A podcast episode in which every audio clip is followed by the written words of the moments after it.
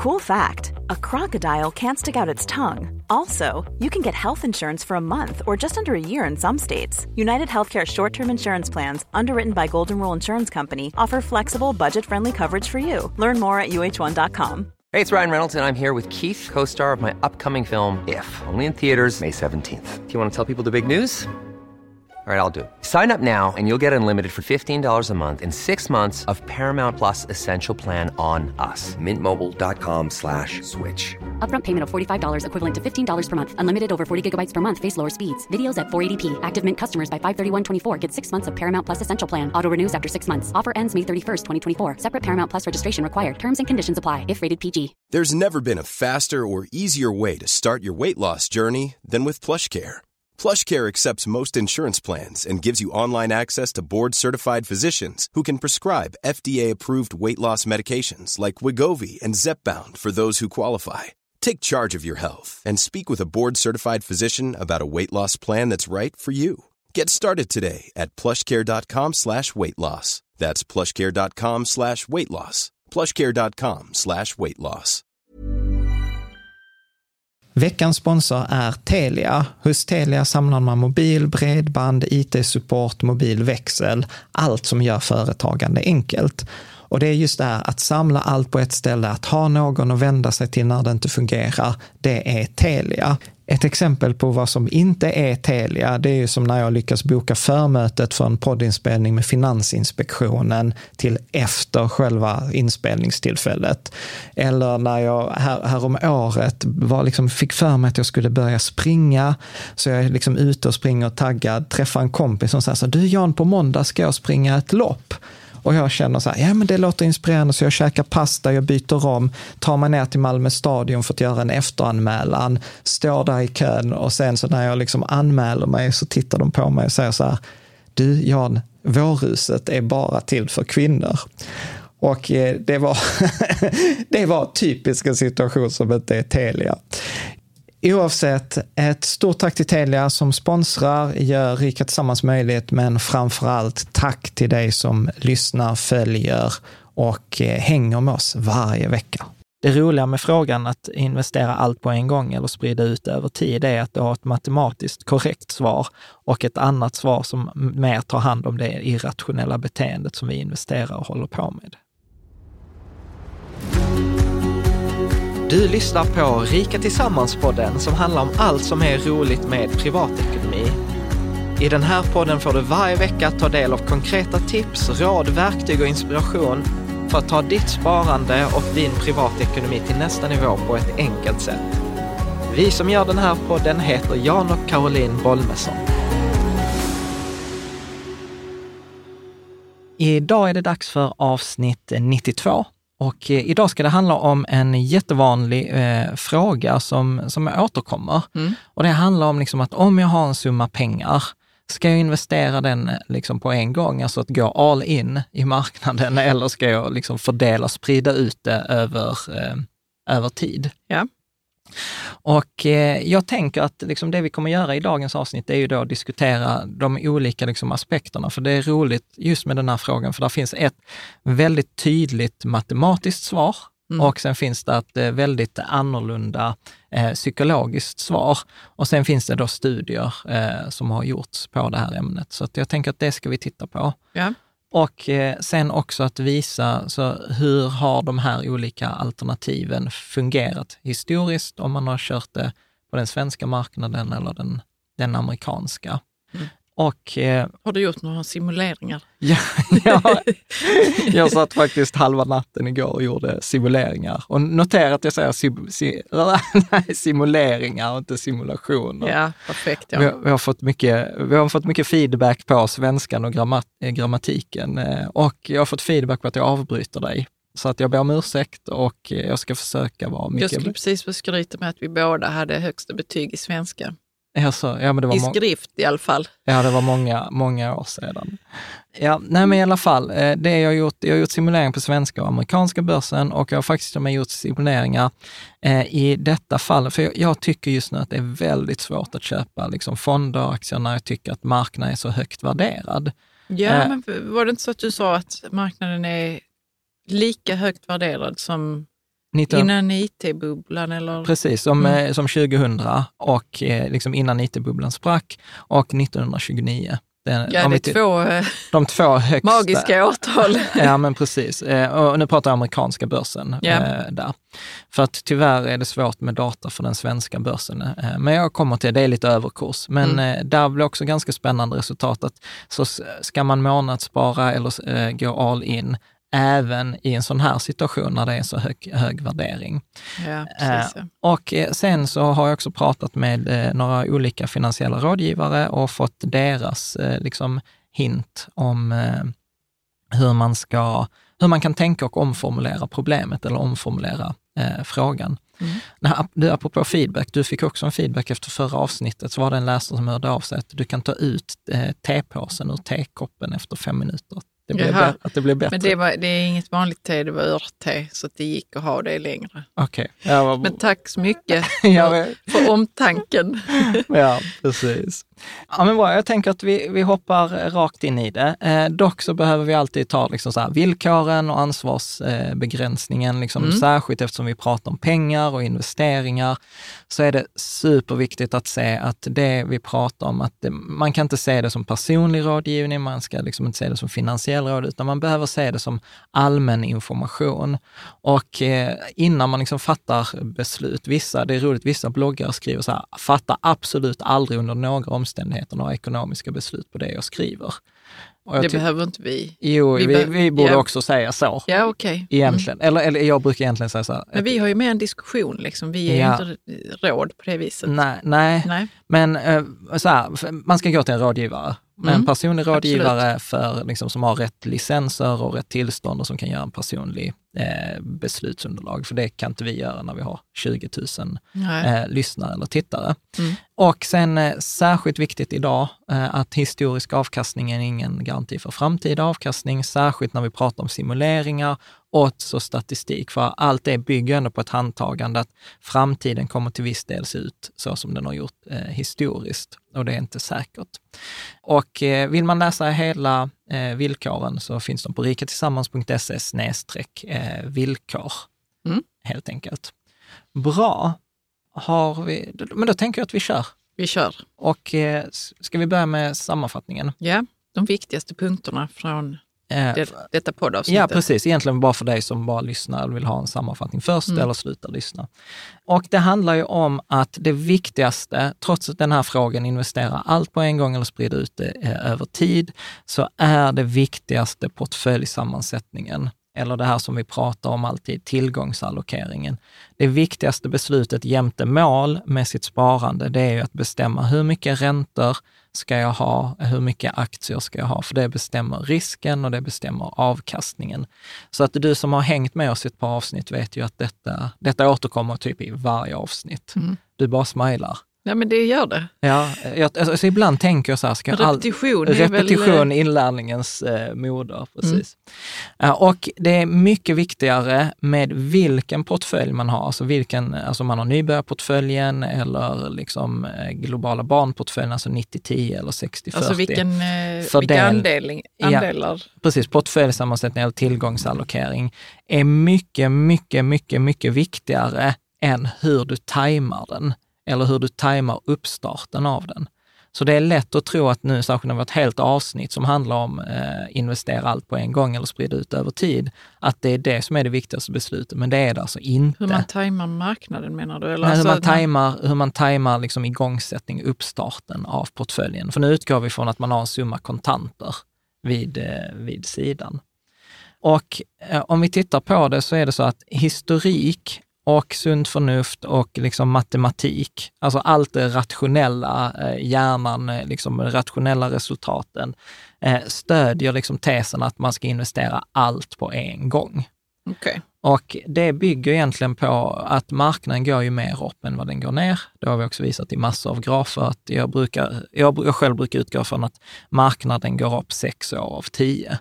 Så det betyder ju att eh, du, om du liksom investerar på en gång så kommer den ju gå mer upp än den eh, går eh, ner. Ja, så hade nog jag gjort det. Jag har annat att tänka på, liksom. in med det bara. Ja. Men så enkelt är det kanske inte Nej för för, alla. det, nej, för det kommer vi ju till, för då kommer ju risken att förlora. Alltså vad händer, liksom så här, rädslan att ångra sig. Och jag ska vara helt ärlig, alltså, vi, vi har ju en del pengar nu utanför, eh, utanför börsen som vi har från våra företag. Och jag tycker ju, alltså det tar ju emot att sätta in allt på en gång, även om jag vet att det är det rätta. För det är ju inget roligt. Alltså säg att börsen gör som den gjorde mellan augusti och december, minus 25 procent ja då kan man ju liksom säga att ja men då jobbar du ju fyra månader för, eller tre månader förra året gratis. Mm. Så att det är ju inte, Jo, jag fattar. eller att man, får, man får det här arvet Mm. och sen så bara försvinner halva arvet. Jag bara, ja, det jobbade mina föräldrar hela livet för. Ja.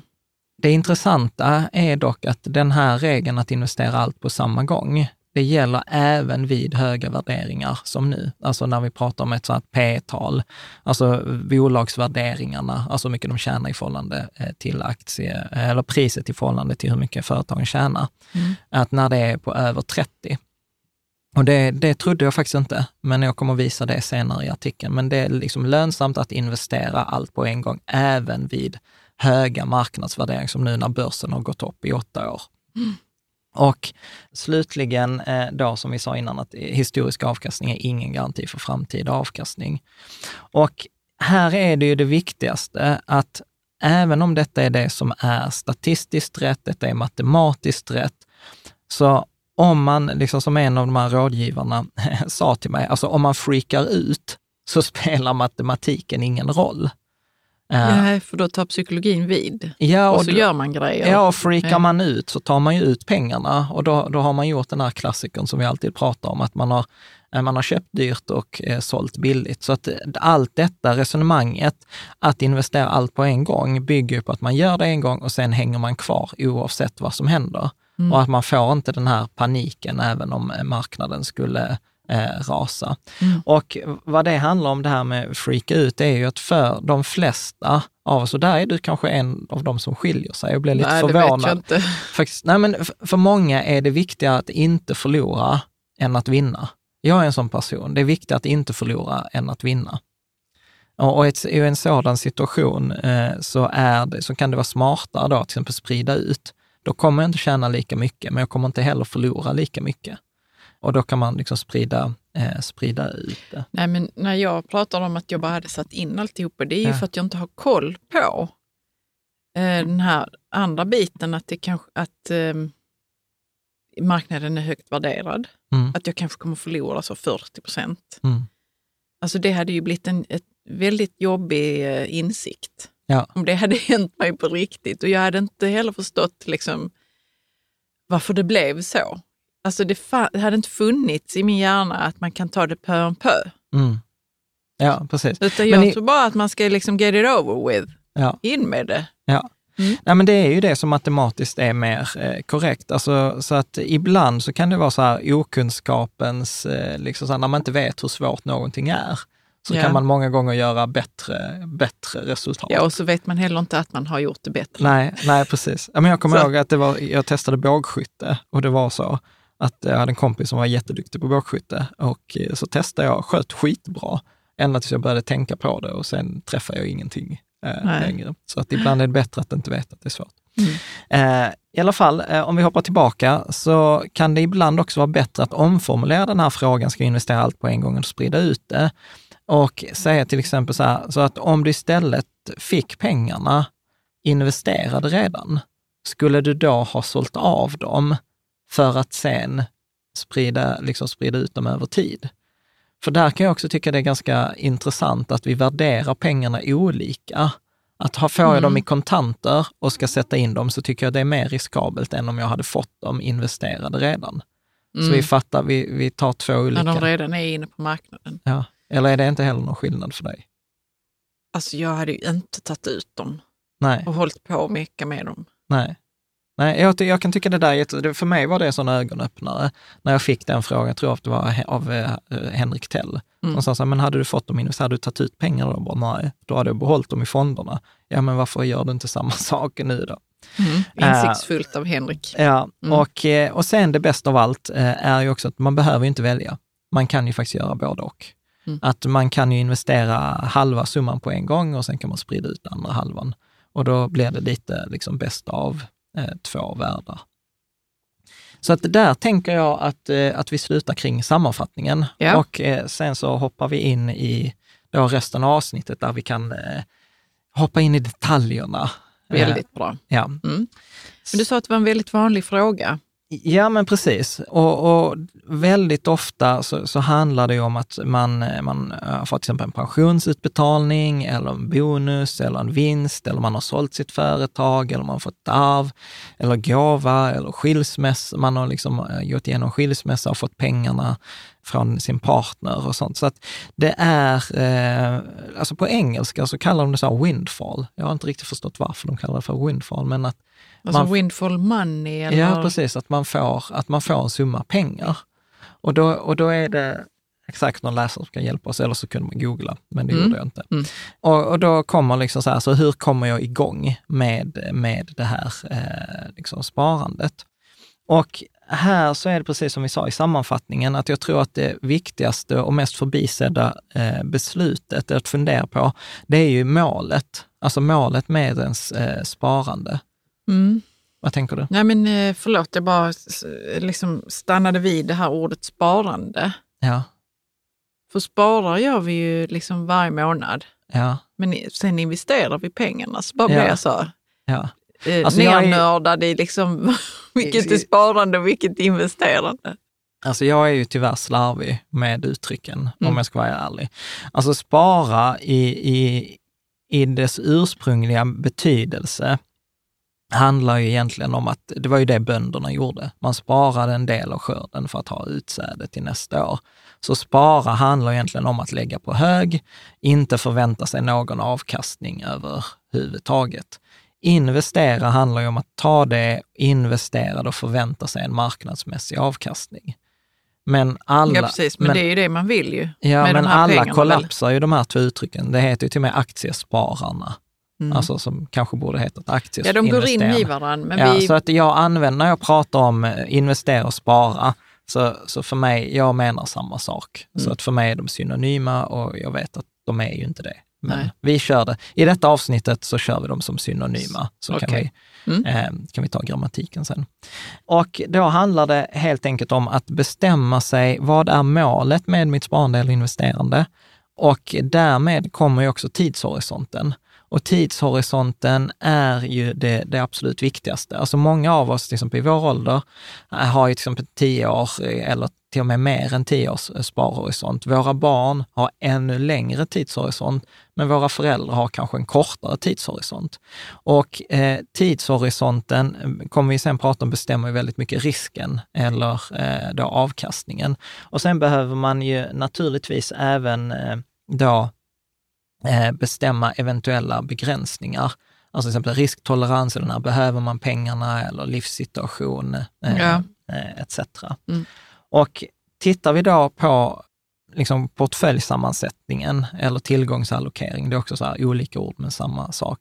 För att när jag har då målet och jag har tidshorisonten och jag har begränsningarna, då kan jag ju då ta beslutet, så hur mycket aktier och hur mycket räntor.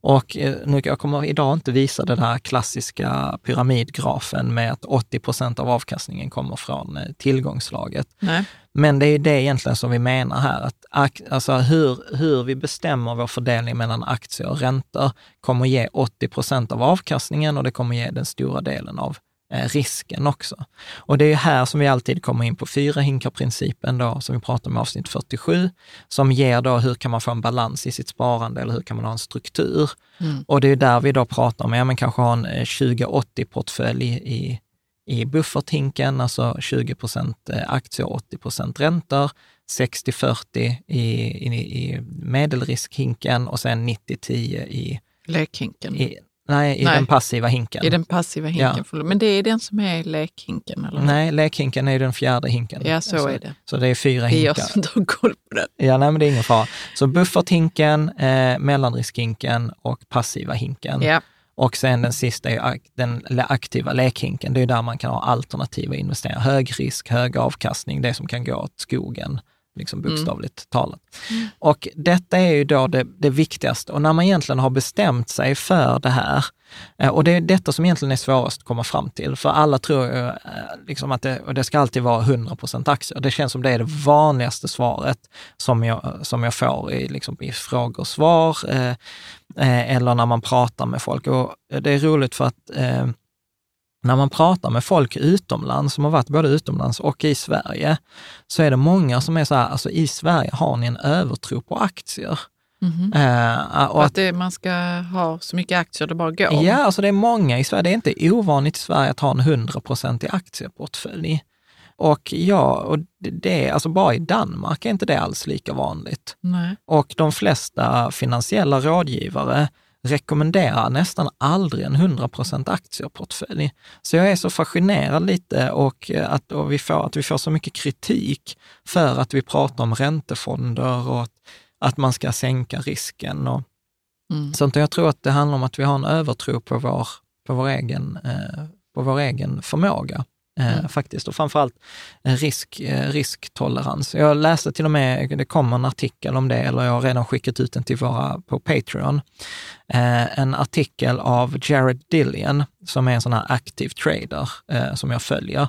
Och det är roligt för han är alltid så här mot allt. Eh, alla, liksom, har någon, eh, säger någon A så säger han alltid B. Men var det han som var pessimisten? Ja, ja, ja, ja, ja precis. Mm. Och han skrev en krönika på Bloomberg och det roliga var att han skrev att basportföljen för de flesta sparare, oavsett fas i livet, borde vara 35 procent aktier och 65 procent räntor. Mm. Vilket jag blev lite förvånad för det var lägre än vad jag trodde och sen blev jag förvånad att till och med han skriver det.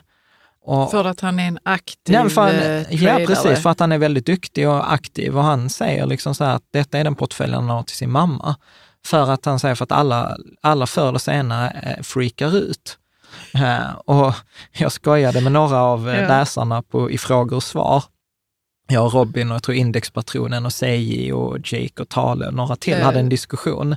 Eh, det är läsare som skriver, som svarar, som svarar på frågor. Det är mm. fantastiska diskussioner i frågor och svar. Mm. Så jag rekommenderar det. Där jag skrev så här att innan man får ha en 100% aktieportfölj så borde man ha upp, liksom få godkänt på att man har klarat en 50% i nedgång utan att freakat ut. Ja. Så att, eh, ja, det var en litet eh, liksom sido, sidospår. Men jag, jag ska göra en artikel på det där för att eh, jag tycker att, jag upplever att de flesta tar för hög risk, mm. helt enkelt. Mm. Bra, så att om vi hoppar till frågan då, investera allt på en gång eller sprida ut över tid, så påstår jag att det egentligen bara finns fyra alternativ. Mm. Och vilka är de nu då? Alltså Egentligen för... finns det bara tre alternativ har du sagt. Ja, fast men... här, här, gjorde jag ett fjärde, en, en, ja. en kombo. Nej, men det första är att investera allt på en gång och ta den avkastningen som marknaden ger, upp, ja. upp eller ner. Mm. Det andra är att fördela pengarna över tid och eh, sprida riskerna, ofta då på bekostnad av avkastningen. Man kan vänta Alltså att man sprider inte ut det, man väntar, man sitter på sidlinjen och väntar på att in, marknaden ska falla och att man ska investera vid ett bättre tillfälle. Det kan ju, det kan ju, då kan man ju vänta jättelänge. Ja, jag mm. kommer att ha en tes om det där. Och mitt fjärde alternativ är en kombo. Så, så, att, så att det är egentligen bara tre lite alternativ. Lite indirekt och sen avvakta ja, Att man resten. kan göra en kom kombination mm. av de här, eh, de här fyra. Och sen så bara en sån här eh, for, formell grej. Mm engångsinvestering på engelska pratar man alltid om lump sum investing. Mm. Eh, och jag har i, i vissa grafer här förkortat det LCI. Mm. Så om jag säger, eh, och då att sprida ut över tid, det kallas då för dollar cost averaging, DCA. Så att i vissa av de här graferna som kommer från studierna så kommer det stå DCA och DCA betyder då sprida ja, ut över tid. Det låter verkligen som ett akademiskt uttryck. För jag Ja, det är inte, det är inte så mycket akademiskt, utan Nej. Eh, det är så de det flesta använder. Det är ett ekonomiskt ja, uttryck. I dollar cost averaging. Och, och det andra heter då LCI. Så att om det dyker upp då bilder, och här kan vi också säga på de som bara lyssnar, att kolla gärna in på bloggen, där alla graferna finns, eller du som kollar på YouTube. Ja, eh, graferna som kommer komma. Ja, vi kommer att försöka beskriva dem. Eh, För att vi fick ju ett jättefint mejl av en person som var blind, Mm. som sa så här, ja men jag tycker om hur ni beskriver, för jag känner inte att jag missar så mycket. Och då blev jag så glad i hjärtat. Nej, att vi beskriver graferna. Ja. Ja, för att vi Mm. har ändå f- m- alltså, fyra gånger fler poddlyssnare än vi har Ja. YouTube-tittare. Så att, eh, bra. Mm.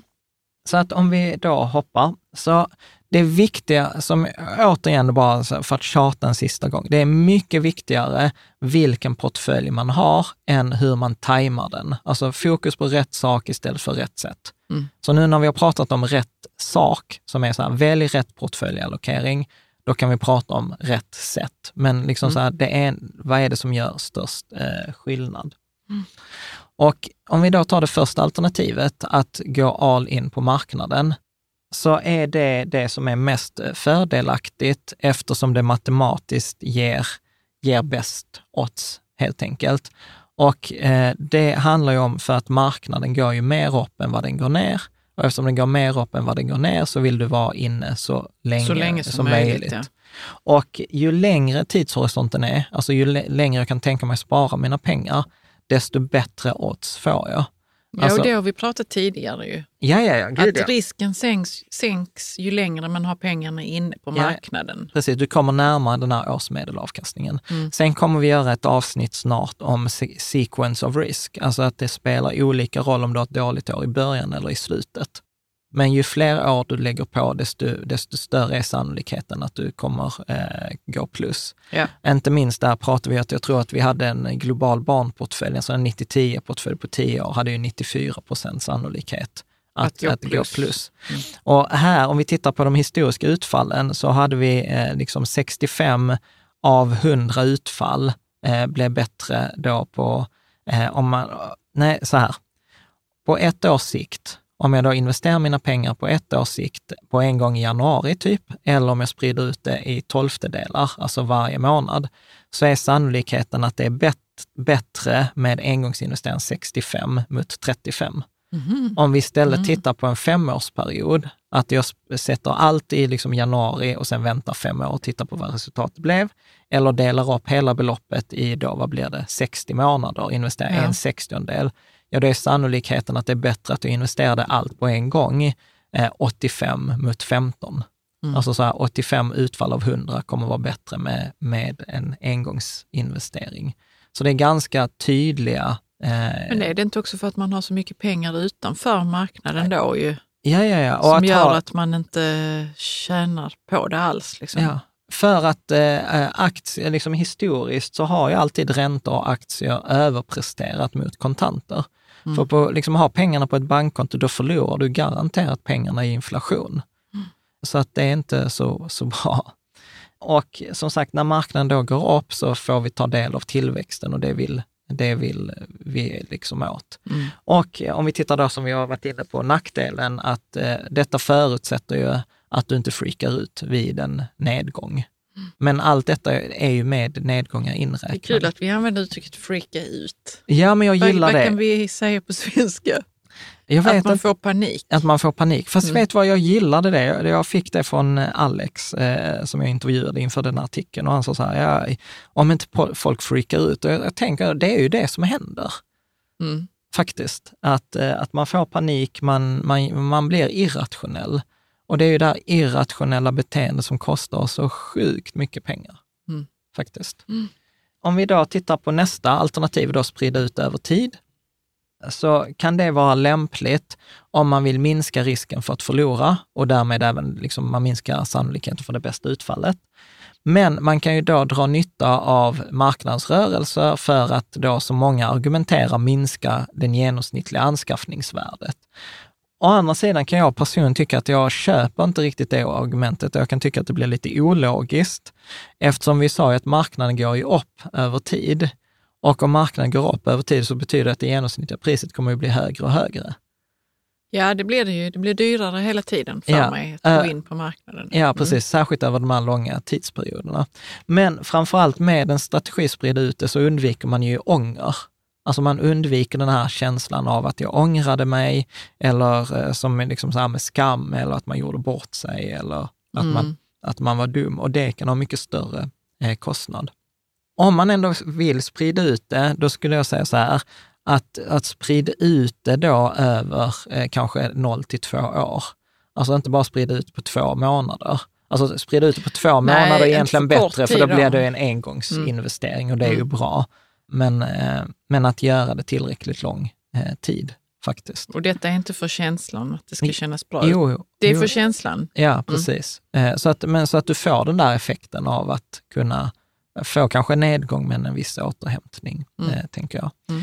Och som vi sa innan, att stå utanför marknaden är också en risk, alltså inflation och alternativ, alltså den missade avkastningen som man skulle kunna haft om man låg inne i, i marknaden. Och sen är det ju också med ett sånt här eh, scenario så är det ju också mycket, mycket mindre risk för att just att jag får panik eller att jag gör, Mm. att jag gör irrationella, irrationella grejer. Mm. Ja, men det som ofta tar emot är ju den här rädslan att, förlora. Och i, ibland så kan, jag- kan jag ju till och med känna så att marknaden är emot mig. liksom att, Så fort du ger dig in i det så kommer du förlora pengar. Ja, och så är det så här typiskt. Mm. Eh, Det var liksom så här, nu gick det liksom upp när jag sålde eller ja nu, såklart att den går och faller när Mm. jag när jag köpt någonting. Och det där också, jag tror att det är fler som kan känna igen sig, förhoppningsvis, eller så är det bara jag som är knepig. Att man till exempel köper en aktie eller köper en fond och då vill man ju direkt att den ska gå upp. Så att man får liksom den här bekräftelsen på att Man jag gjorde rätt. jag gjorde rätt. Eh, liksom. Och jag tror egentligen att det det handlar om är ju eh, upplevelsen av, av ånger. Alltså så att vi regret, att vi vill inte ångra oss. Och jag tror att egentligen hänger ju den också ihop med skam. Liksom så att jag gjorde bort mig. ja, man jag, vill inte berätta vad som hände till andra för att det skulle vara pinsamt. mm. Mm. jag skulle vetat bättre. Mm. Alltså den här, Ja, men frågan är hur man skulle gjort det. Ingen kan ju veta att marknaden kommer falla. Nej, nej, nej men precis. Och, och sen är det ju också så här att eh, som eh, allt fler och fler studier nu kommer att kvinnor är bättre investerare än, eh, än män. Och det handlar också om att vi många gånger då, eh, vad heter det, har en övertro på vår egen förmåga. Vilket är bra i vissa sammanhang, mindre Har inte bra. kvinnor det? En, Kanske inte på samma sätt. inte samma utsträckning, verkar det som, Mm. men ingen aning. Tittar vi på det tredje eh, alternativet då, vänta eh, på att marknaden faller och investera vid ett bättre eh, tillfälle. Mm. Som är, jag vet inte hur många gånger jag har gjort det och jag landar där fortfarande från tid till annan. Att jag försöker... Gör inte han Warren Buffett det också? jo, Att han tar ut pengarna och sen sitter han och väntar i Jo. all evighet. jo, jo, jo, precis. Men han förlorar ju, hans mantra är att inte förlora pengar. Ja, precis. Men äh, återigen, jag tycker ju liksom så här att i jämförelse med Warren Buffett som är världens Ja. rikaste man, eller Ja, investerare, de, de haltar Ja. för att hans... Man blir Han- ju inte så som han bara för att man gör Nej, men, äh, men hans som han delvis. Liksom. Men hans affärsidé är ju en annan än vår. Mm. Han investerar ju inte, han sitter ju inte och väntar på att en indexfond ska falla och sen investerar han. Nej. Utan han köper ju ut hela bolag. Och köpa ut hela bolag, det är ett annat spel. Mm. Och, eh, och det är ungefär som, som när vi pratade, jag tror avsnitt 77 med Infrea om private equity. Och det här med att eh, en hundralapp i Tonys eh, plånbok var mer värd än en hundralapp i min plånbok, trots att det var samma hundralapp. Mm. Så att det handlar om andra saker. Och sen är det ju dessutom så att Warren Buffett har liksom oändlig tillgång på pengar. Alltså folk, han får ju betalt för att låna pengar. Och då, då liksom blir det också andra, eh, liksom andra förutsättningar. Så jag, tycker, jag brukar tycka så här, jag älskar Warren Buffett, jag tycker han är fantastisk. Eh, Vi ska jag inte varit- använda eh, utryckta citat Nej, som vad vår jag li- egen eh, investeringsstrategi. Nej, var jag lika bra som han så hade jag också använt en strategi. Liksom. Mm. Men om vi hoppar tillbaka då, att eh, liksom sitta och vänta på att marknaden faller och försöka investera vid ett bättre tillfälle, så är forskningen ganska entydig i det här. Eh, nu senast läste jag en studie i veckan som var att eh, det straffas med 1,5 procent, 1,56 procent i årsmedelsavkastning. Så att man förlorar... Att sitta och vänta. Ja, att, att, försöka sitt för, att, ja, att försöka förutsäga eh, marknaden, det gör att du får 1,5 procent lägre avgift. Och det är ungefär, alltså det är som att ha en riktigt dyr fond. Alltså vi brukar alltid prata, ha aldrig en avgift än 0,4. Och här pratar vi om fyra gånger högre avgift, bara för att du sitter och ska försöka gissa när marknaden ska gå upp. Och ännu roligare, det var så att jag fick ett tips eh, från Henrik om, om en artikel på nätet som hade gjort eh, en, eh, en, en bloggare som hade gjort en studie på att just försöka tajma marknaden. Och du kan ju, jag tänkte att vi ska göra en, artikel, en eget avsnitt om det här, men jag tänker att du kan ju läsa vad, vad han kom fram till när det gäller just det här med tajma marknaden och försöka köpa på botten. Okej, okay. mm, det ska jag läsa här på engelska. Uh, my point in all of this is that by the dip, even with perfect information, God mode, typically underperforms DCA. So if you attempt to build up cash and buy at the next bottom, you will likely be worse off than if you had bought every month. Why? Because while you wait for the next dip, the market is likely to keep rising and leave you behind. Missing the bottom by just two months leads to underperforming DCA 90%, 97% of the time. Alltså jag, jag, blir, jag får ju nästan så här gåshud när, när jag läser detta. Så vad är bety, liksom betydelsen av detta är ja. att han gjort en studie som tittar på att antingen då köpa DCA, alltså mm. köpa varje månad, mm. eller då vänta och köpa på botten. Och det roliga, då kallar han det för God mode, att ja. han vet exakt vilken dag botten är. Medan det vet ju inte de flesta av oss. Och så när vi är på en botten mm. så vet vi inte om det ska fortsätta falla imorgon, nästa vecka, eller om detta är dagen då det var på botten och det kommer fortsätta upp. Och då säger han att även om du är Gud och vet, och vet vilket datum det bottnar och köper på botten, så kommer du ändå, typ i, i de flesta fall, att få en sämre avkastning om du köpte varje månad. Mm. Och sen säger han dessutom det här, och eftersom vi inte är Gud, vi Nej. inte vet när botten kommer, så det räcker att vi missar botten med två månader, vilket är extremt lite. Alltså kan man träffa en botten i normala fall så är, skulle man ju varit sjukt nöjd. Mm. Och då säger han så här, i 97 procent av fallen kommer du få en sämre avkastning än om du köpte varje månad. Och för, för mig är detta lite mindblowing. Mm. Faktiskt, för jag, jag levde ändå kvar i någon, någon upplevelse av att om jag ändå kan träffa botten, då kommer jag få en högre skjuts uppåt. Och, och här bara kissar han på min parad. Liksom. ja.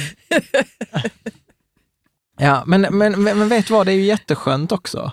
Ja, det är jätteskönt, för det är raka besked om man säger så. Ja. Mm. Precis, så att där kommer, han, har gjort mycket, liksom, detta bygger på den amerikanska börsen och jag, jag, vet, jag fattar hur han har gjort sin studie och jag, jag så här, jag måste göra om den själv på, på, svensk, eh, mm. på svensk data. Mm. Så att det, detta alternativ kan vi bara stryka rakt upp och ner. Tycker att, man, att, att man försöka vänta. Och, nej, att, nej, att försöka vänta ja. på botten och investera då. Utan, ja, det kan vi stryka. Det kan vi stryka. Och om vi då tittar då på, på forskningen, mm. nu är mm. vi tillbaka på det där med eh, sprida ut över tid eller investera på en gång, mm. så finns där Vanguard, som jag alltid är min go-to eh, husgudsfirma, yeah. som är ett amerikanskt fondbolag som har väldigt lik eh, ja, men investeringsfilosofi som vi har. Alltså passivt, låga avgifter, långa tider, indexfonder. Och de gör sina egna studier Och de gör också. väldigt mycket egna studier på det här. De har, de har gjort två stycken, en 2012 och en 2016. Eh, och jag tänkte vi skulle ta lite av slutsatserna i dem, några av deras grafer. Mm. Och sen detta går ju då i linje med mina egna eh, simuleringar som jag tänker att vi ska titta på eh, sedan. Så att jag, jag tänker att, eh, ska du läsa vad de kom fram till? Vanguards slutsats. Ja. Det blir engelska här. Du tar ju... Vi tar, jag tar förklaringen sen. Förklaringen sen. On average, we find that an LSI approach has outperformed a DCA approach approximately two-thirds of the time, even when results are adjusted for the higher volatility of a stock or bond portfolio versus cash investments. Mm. Så det som jag tolkade där, mm. det är ju att eh, de också hittat en LSI, alltså en lump sum investing, alltså att investera allt på en gång i två tredje, alltså med 66 procents eh, sannolikhet, eller 66 procent av fallen, då eh, outperforms är alltså bättre än att sprida ut över tid. Och det är även om man då jämför olika typer av portföljer. Med olika blandningar av eh, aktier och räntor. Så de säger att det spelar egentligen ingen roll om du ska investera allt på en gång eh, och, eller sprida ut över tid, om du kör nybörjarportföljen, globala barnportföljen eller vilken annan fördelning som helst. Mm. Så jag tänker du kan fortsätta läsa. This finding is consistent with the fact that the returns of stocks and bonds exceeded that of cash over our study period in each of these markets. Mm. Och det är det vi var inne på innan också, att aktier och räntor ger ju en högre avkastning än kontanter. Alltså att ha pengar på bankkontot, mm. då dör de till följd av, infla, eh, till, till följd av inflationen. Mm. Så att eh, vi fortsätter. Okej, okay, här är lite mer. Mm. We conclude that if an investor expects such trends to continue, is satisfied with his or her target asset allocation, and is comfortable with the risk slash return characteristics of each strategy, the prudent action is investing the lump sum immediately to gain exposure to the markets as soon as possible. Mm.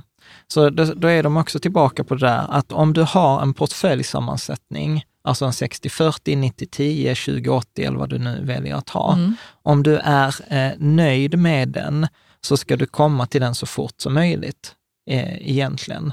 Och att investera då genom att eh, investera allt på en gång så att du får den här exponeringen mot marknaden så fort som möjligt eftersom den går mer upp än vad marknaden eh, går, går ner. Så vi tar de sista två slutsatserna. Är det säkert att det är det sista? Det är jättemycket engelska i detta avsnitt. Ja, nej, men det är det Men visst, två. jag kan bjuda på min svengelska. Ja. But if the investor is primarily concerned with minimizing downside risk and potential feelings of regret resulting from lump sum, lump sum investing immediately before a market downturn, then DCA may be of use. Mm. Så de säger precis samma sak som jag har sagt hittills. Att det är det som är bäst, en engångsinvestering. Men om, om man är, eh, om, om, man, vill, känner... att man vill minska risken, eller man är mm. rädd för att förlora eller man är rädd för ånger, ja då kan man använda sprida ut över tid-metodiken för mm. att minimera då eh, risken precis då innan marknaden vänder. Yes. Of course, any emotionally based concerns should be weighed carefully against both one, the lower expected long run returns of cash compared with stocks and bonds, and two, the fact that delaying investment is itself a form of market timing, some, something few investors succeed at. Mm. För det där är också spännande, för då säger de så här att om man har pengar, då kontanter vid sidan av, om man inte sätter in dem på, på en gång. Och det, detta är ju misstag som jag gör mig skyldig till. Mm. För jag säger ju så här att man kan inte tajma marknaden. Men, men jag försöker ändå. Men jag försöker ändå genom att inte investera pengarna, ja. genom att ha dem vid sidan.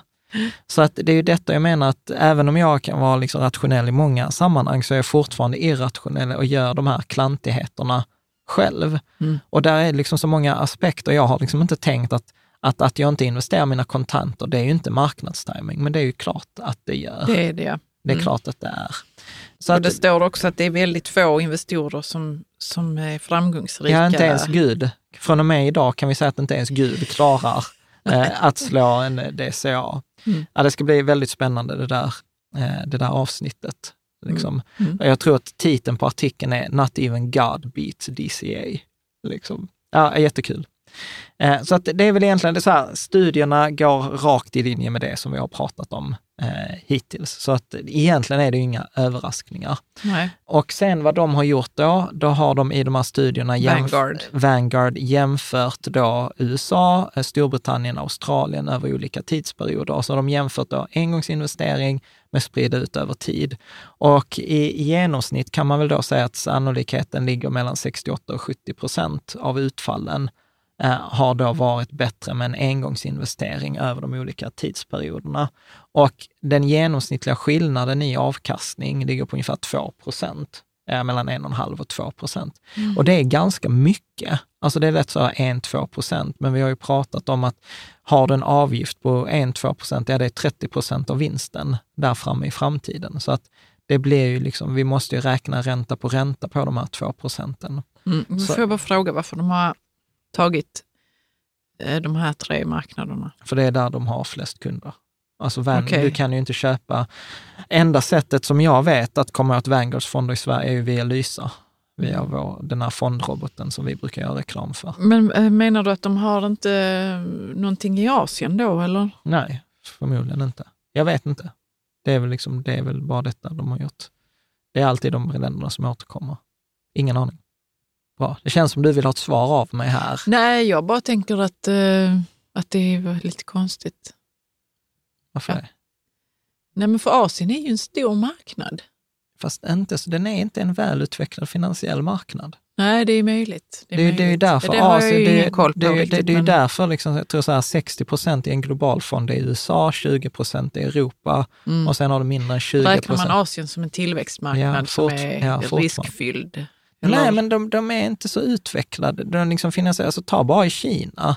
Jättesvårt att investera i aktier i Kina och Mm. dessutom så hälften av företagen, eh, jag vet inte hur många, men många företag är statligt ägda. Eh, Och sånt. Det är ju därför Mm. Ja, det exempel stämmer. kineser, Det tänker man ju inte på riktigt när man Mm. tänker på asiatiska marknaden. Nej, liksom. det är ju därför till exempel kineser är ju liksom så här superduktiga på att spara, men de har inte haft något spar. Det är därför många har sparat som i fastigheter eller lägenheter eller guld eller den typen av, så att liksom aktier är inte så välutvecklat som det är här. Det, det, är- alltså där är vi ganska udda i Sverige som har så liksom Nordnet och Avanza och det är typ alla svenska äger fonder och sånt. Men är det inte sjukt spännande, låt bara ta den här parentesen här nu, men är det inte sjukt spännande att, eh, att fundera över hur är det då mot aktier man ska gå? Liksom? Förstår du vad jag menar? Alltså att även Kina kommer fatta snart. Förstår du vad jag menar? Ja, jag vet Eller inte. De Alltså beror- har det- sitt sätt att investera pengar på. Ja, alltså kineserna har ju sin egen kapitalism eh, och vi kan väl säkert ha åsikter om att eh, liberal demokrati är mycket bättre. Men jag tycker att det är ganska förmätet. Jag Jo, tror till exempel om man ska titta på, men- på Kina så skulle jag säga så att jag tycker deras system verkar funka ganska bra om man tittar utifrån. Liksom, de har massa olika folkgrupper, eh, de ska försöka få alla att dra åt samma håll. Jag, Mm. jag vet inte. Mm. Vi, jag, kan ju, jag är ju liberal, så jag tycker att alla ska få göra så som man vill, men titta vilket land det är som växer, vilka som gör de här Sidenprojektet, där man investerar- Sidenvägsprojektet. Sidenvägsprojektet, eh, var ekonomiska centrat håller på att förflytta sig. Svårt att argumentera mot att de gör fel.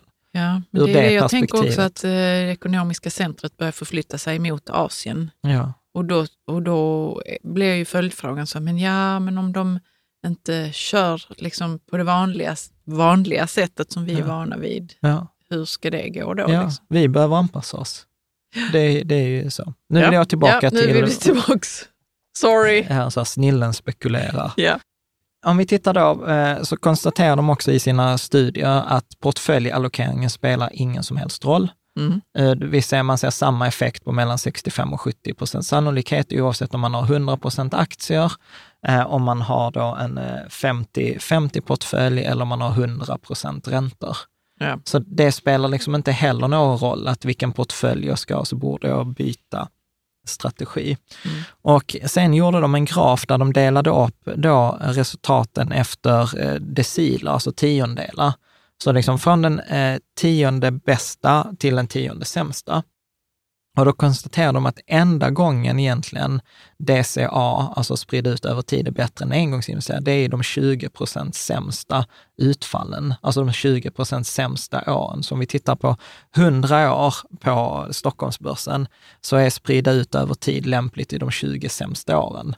Medan 80 av de andra åren är det nästan bättre då med det är ju ganska tydligt, eh, tydligt språk då. Ja, precis. Och även jag har ju då roat mig med att eh, titta på alla på svenska börsen mellan 1870 och 2018. Och då har jag tittat på det som man kallar för rullande 12 månadersperioder. Så jag har inte bara tittat så här, ja men 1949 så började du januari i det ena exemplet och sen sparar du 12 månader och så tittar vi i december vad det blev. Utan då gör jag en 12 månadersperiod från januari, sen tar jag en 12 månadersperiod fram från februari, en från Mm. mars och så vidare. Så att jag tror vi fick över 1000 12 månaders eh, eh, perioder. Och det är ganska få tillfällen, alltså den här DCAn, alltså sprida ut över tid, är bättre. Och sen en miss som jag tror många också gör är att man tror att bara för man sprider ut över tid, att man, att man inte förlorar. Men man förlorar också. Det är bara att man förlorar inte lika mycket.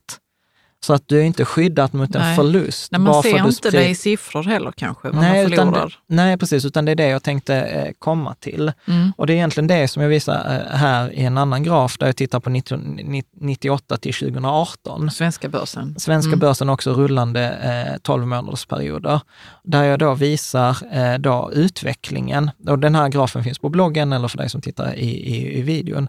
Att, du, att, att sprida ut det över tid ger lägre toppar, men det ger också lägre dalar. Så att eh, på det sättet är ju att man, det hade ju varit en helt annan grej, så antingen detta ger dig högst avkastning eller detta gör att du undviker förlust. Men så är det ju inte, utan du förlorar ju i båda fallen när, vid de tillfällen då marknaden går ner. Och, det tänkte jag, liksom det är ju det jag försökte illustrera här, att vad skillnaden eh, blir. Och sen bara markera de enskilda eh, perioderna då den här rullande, eh, eller då det hade varit bättre att sprida ut över tid. Och det är egentligen, är det ju bara under IT-bubblans nedgång 2001 till 2003 och under 2008. Så mellan 98 och 2018, under den 20-årsperioden, så är det egentligen bara typ ett och ett halvt, två år. Det är bättre med sprida ut över tid. Alla Mm. andra år hade varit bättre och ganska mycket bättre att sätta in pengarna på, På en gång. På en gång. Mm. Och, ja vad tänkte Ja. du? Nej, jag tycker det är helt otroligt egentligen att det är så korta perioder som, Mm. som det skulle lämpa sig med att eh, sprida ut insättningarna. Ja. Mm. Och, och här har jag eh, gjort en graf och en tabell där jag har liksom sammanställt för att titta på vad är det då fakt- de facto i siffror. Och tittar man då på, då jämför jag då engångs med sprida ut över tid och medelavkastningen på eh, engångsinvesteringen är 11,7 procent. Mm. Att sprida ut det ger 6 procent. Så det ger nästan, eh, alltså nästan halva avkastningen Mm. på 12 månaders sikt eh, att sprida ut det än att investera det eh, hela beloppet. Den maximala avkastningen eh, med engångsinvestering på en 12 månaders period som svenska börsen har gjort är plus 133 procent. Så alltså mer än dubblat pengarna, men hade du spridit ut det, då hade du bara fått 75 procent i den bästa 12 månadersperioden. Den sämsta 12 månadersperioden, eh, då med en engångsinvestering minus 51, och, men att sprida ut det gav den sämsta på minus 38. Mm. Så att det är ju inte ens, liksom, jag, alltså jag blev förvånad hur liten skillnaden var. Och 71 procent eh, av utfallen gick det bättre med en engångsinvestering och i 29 procent var det bättre att sprida ut det. Och jag tycker detta är ganska tydliga siffror. Ännu värre eh, blir det om vi tittar på en femårsperiod. Så då säger vi, liksom det vi gör nu, då säger vi så att okej, jag investerar pengarna idag och sen låter jag dem löpa i 48, nej, 60 månader. Ja. Eller så investerar jag en sextiondel varje månad under eh, de här månaderna. Så du kan ju ta, du kan ju ta siffrorna, Absolut. Okej, medelavkastningen avkastningen. man får på en engångsinsättning Ja, över en fe, sån här över en femårsperiod. då är det 72,8 procent. Mm. Skulle jag spridit ut det under de här fem åren så hade jag fått 33,3 procent. Mm, så mindre än hälften. Mm. Max, Den maximala avkastningen under en Som- femårsperiod. ja, genom att sätta in engångs, då är det 456,3 procent. Mm. Mot 251,7 procent Mm. om jag hade spridit ut det. Precis, och den största förlusten. Största förlusten hade då varit eh, vid engångsinsättning, minus 63,8 procent. Och Mm. surprisingly, om jag hade spritt ut det så hade det blivit minus 50,3 procent. Så det var inte så stor skillnad egentligen Nej, mellan de Alltså, två. precis, det är ju detta jag blev så förvånad över, att om man har femårig tidshorisont och att sprida ut det då över en lång tid, ja det gör att du, att du får liksom i genomsnitt hälften av avkastningen, men du sparar bara i en nedgång typ 20 procent. Mm. Alltså 20 procentenheter. Alltså sex, minus 63 mot minus 50,3. Och i 85 procent av fallen är det bättre med en engångsinvestering än att sprida ut det. Under de här fem åren. Mm. Mm. Detta är liksom så här, jag tycker detta är, detta är svårt Men det är att väl också argumentera för mot. att man, eh, pengarna äts upp ju på kontot. Alltså att man missar den. Man, både, man får inflation. Ja, det har jag inte ens räknat med. Nej, okej. Så detta är Vad bara är det då vi tittar på? missad avkastning. Missad avkastning, okej. Ja. Mm. Genom att du inte har, att de tar inte del av den här tillväxten och efter en femårsperiod så har vi ju att i, i tre av fem år så ska ju börsen gå upp. Mm. Så att det är ju det du missar och du missar så kopiöst mycket. Mm. Så att det är ju helt eh, sjukt när man tittar på detta i, i, i siffror. Mm. Sen, eh, sen har jag nördat, eh, så du, här behöver vi inte läsa hela den här Det tabellen här är en tabell, ja. där jag har gjort den här genom, eh, skillnaderna på amerikanska börsen och svenska börsen över då ett årsperiod, två år, tre år, fyra år, fem år. Men sannolikheterna eh, följer varandra och det är ju att till exempel på en femårsperiod 85 procent sannolikhet att det är bättre med en engångsinvestering. 71 procent på 12 månaders eh, sikt. Och man kan, man kan titta på alla de här, eh, genomsnitt, max och eh, eh, största förlust. Men det sjuka är att, att skillnaden är jättestor i avkastning, men i förlust på förlustsidan är det inte så himla stor skillnad. Hur kan det vara så Ja, men, eh, egentligen? Alltså, ja, för... för- man tror ju att det ska vara... ja, för att du förlorar, för, precis, för att du förlorar både och. Mm. Du, du förlorar i den där eh, avkastningen och när de perioderna går ner så går ju allt ner. Mm. Nu, nu har jag i och för sig räknat allt på detta också på 100% aktier. Eh, för att det spelar ingen roll vilken portfölj man räknar sammanställningen. Nej. Men i detta Mm. att det är de här extrema nedgångarna handlar ju om att eh, det är ju inte ovanligt att börsen faller med 50 procent, utan det ska ju hända. Mm. Jag brukar ju säga att under en 15-årsperiod så ska ju det hända två gånger. Mm. Men det som jag blev hängande med när jag, när jag gjort den här tabellen är ju så att detta är ju jättebra, det funkar ju säkert när börsen är genomsnittligt värderad. Men nu, nu är det ju annorlunda. Nu är ju Ja. börsen eh, dyr. Mm. Eh, liksom. Du bara skrattar åt mig.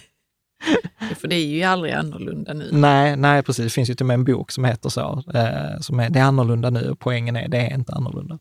Eh, I alla fall, då tog jag fram eh, värderingar på eh, den amerikanska börsen, för jag hittade inte data för Sverige.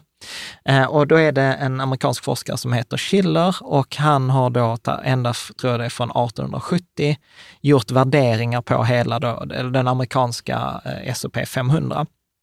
Och eh, den grafen visar ju att där vi befinner oss just nu är ju att det är ju bara två tillfällen det har befunnit sig högre och det är då eh, IT-bubblan där 98 till 2001-2 och eh, då innan den stora 1900. de- depressionen. Och eh, jag tror att vi, vi har ett eh, PE-tal idag på typ eh, 30-ish.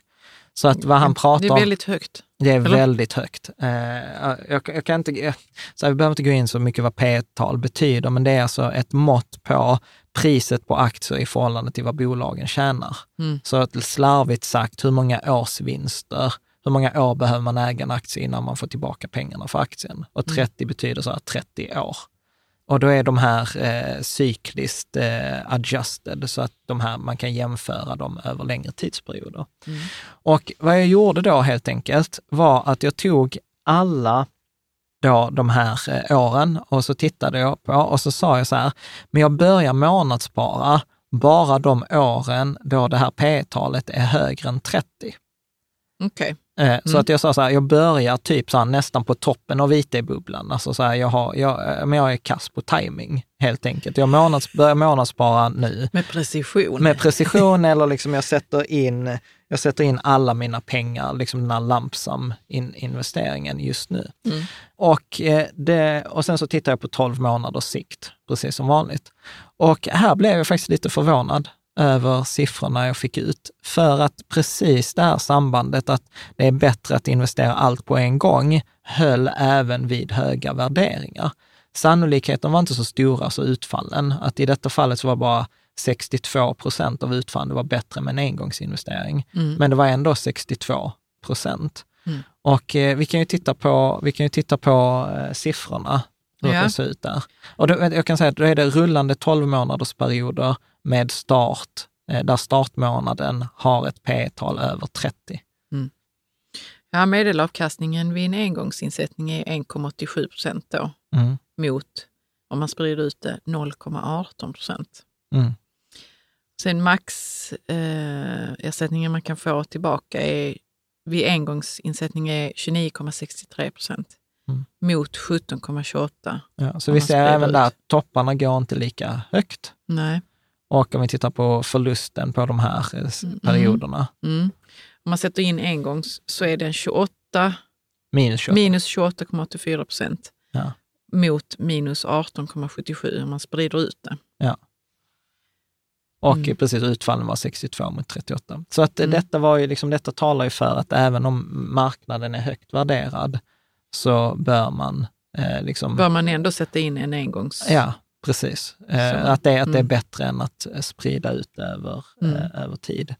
Och eh, då handlar det ju ändå om liksom att det enda som talar för att sprida ut över tid, det är ju där hellre inte förlora Det Eh, psykologiska. det psykologiska, är Mm. liksom att hellre att inte förlora än att eh, vinna. Och eh, det hänger ju ihop med den här, det som vi, kall- vi gick prata om i ett av, tidigare avsnitt eh, med, om vanliga misstag med loss aversion. Mm. Att en, en förlust känns, eh, det, det är jobbigare för oss att förlora en tusenlapp än att tjäna en tusenlapp. Och det tror jag många känner igen sig att man har fått en parkeringsbot på 600. Det känns ju för jäkligt jämfört med att om du får 600 i present. Mm.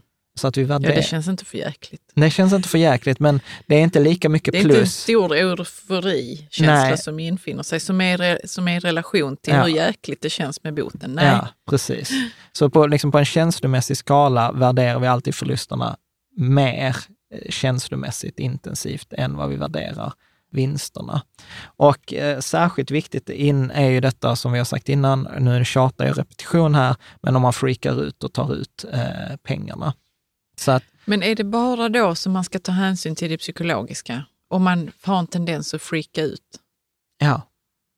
Annars, om man, om man är superrationell, så är det bara att investera allt på en gång. Det känner jag att jag har gjort ett ganska bra case för. Men är det inte många också som bara, tänk, som bara vill glömma skiten?